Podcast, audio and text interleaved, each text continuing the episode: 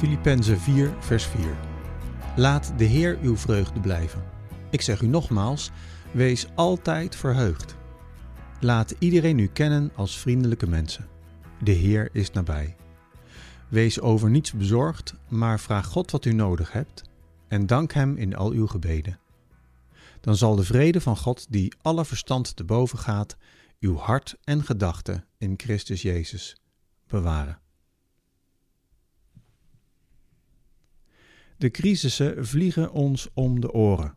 De stikstofcrisis, de boerenprotesten, de vluchtelingencrisis, oorlog in de Oekraïne, de gasprijzen, de inflatie, de toeslagenaffaire, nasleep van de coronacrisis. Sommige zijn enorm ingrijpend. Een crisis zou ons enorm kunnen samenbinden, hè, ons het gevoel kunnen geven dat we allemaal in hetzelfde schuitje zitten. Maar dit zijn veelal crisissen die ons tot op het bot verdelen. In de afgelopen twee jaar denk ik dat we allemaal onze discussies, conflicten en meningsverschillen hebben gehad. De een verafschuwt de omgekeerde vlaggen, de ander heeft de drie in zijn tuin. Volgens de een moeten vluchtelingen vooral elders worden ondergebracht, want Nederland is vol, en de ander vindt het onbestaanbaar hoe we met mensen omgaan. De een heeft een basisvertrouwen in de regering en de ander wantrouwt alle politici tot op het bot. De onrust zit soms best diep. En mijn vraag vanmorgen is hoe je hier nu als volgeling van Jezus mee moet omgaan. Hoe stel je je op? Hoe vind je je plek in die grote vraagstukken waar je soms zelfs niets concreet aan kan bijdragen? Vandaag heb ik gelezen uit de Filippenzenbrief. Paulus schrijft aan een kerk die stand moet houden in de moeilijke tijd van het Romeinse Rijk. En wat geef je dan de mensen in zo'n stad mee aan het einde van je brief? Hoe stuur je ze de wereld in die vol is met crisis, uitdaging en onderdrukking? Die stuur je op weg, en zo noem ik het maar even, met VVOD. Vreugde, vriendelijkheid, onbezorgdheid en dankbaarheid. Vier dingen die terugkomen in de tekst in deze brief. Vers 4 zegt: Laat de Heer uw vreugde blijven. Ik zeg u nogmaals, wees altijd verheugd. Dat eerste woord is dus vreugde. Vreugde is het woord dat eigenlijk de hele brief van Paulus draagt. Zestien keer komt dat woordje vreugde terug in zijn brief.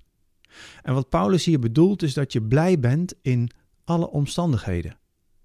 Het is niet omdat je de meest verschrikkelijke dingen moet gaan zien als vreugde, of dat je blij moet zijn als je ellende overkomt.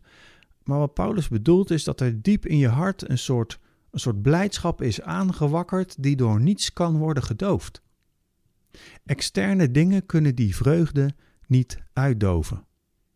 En dat zie je in het leven van Paulus ook terug. En welke crisis er ook is, vijandigheid, gevangenis of zelfs een vooruitzicht op de dood, het kan de vreugde van Paulus niet wegwrijven. Het is een soort stugge ondanksvreugde. Want dat geloof in God zorgt voor een vlammetje dat niet dooft. De Heer is zijn vreugde. Je kan je natuurlijk afvragen of Paulus dan een beetje stoïcijns was. Hij kon geen enkele crisis hem verdrietig maken of, of iets moois dan blij. Ja, natuurlijk wel. De vreugde van Paulus was wel degelijk beïnvloedbaar. De kerk in Filippi, schrijft hij, is mijn vreugde. En jullie kunnen mijn vreugde groter maken door stand te houden, door eensgezind te zijn. In 2 vers 2. En als Epaphroditus ziek is, dan zegt hij, oh hij had tot dood kunnen gaan en dat had me verschrikkelijk verdrietig gemaakt. 2 vers 27. Maar te midden van die omstandigheden is de Heer de vreugde van Paulus. Dat is het betonnen vloertje. Vreugde die door geen enkele omstandigheid wordt gesmoord. Crisis om je heen wind je je op over van alles en nog wat. Allereerst vind je vreugde in de Heer.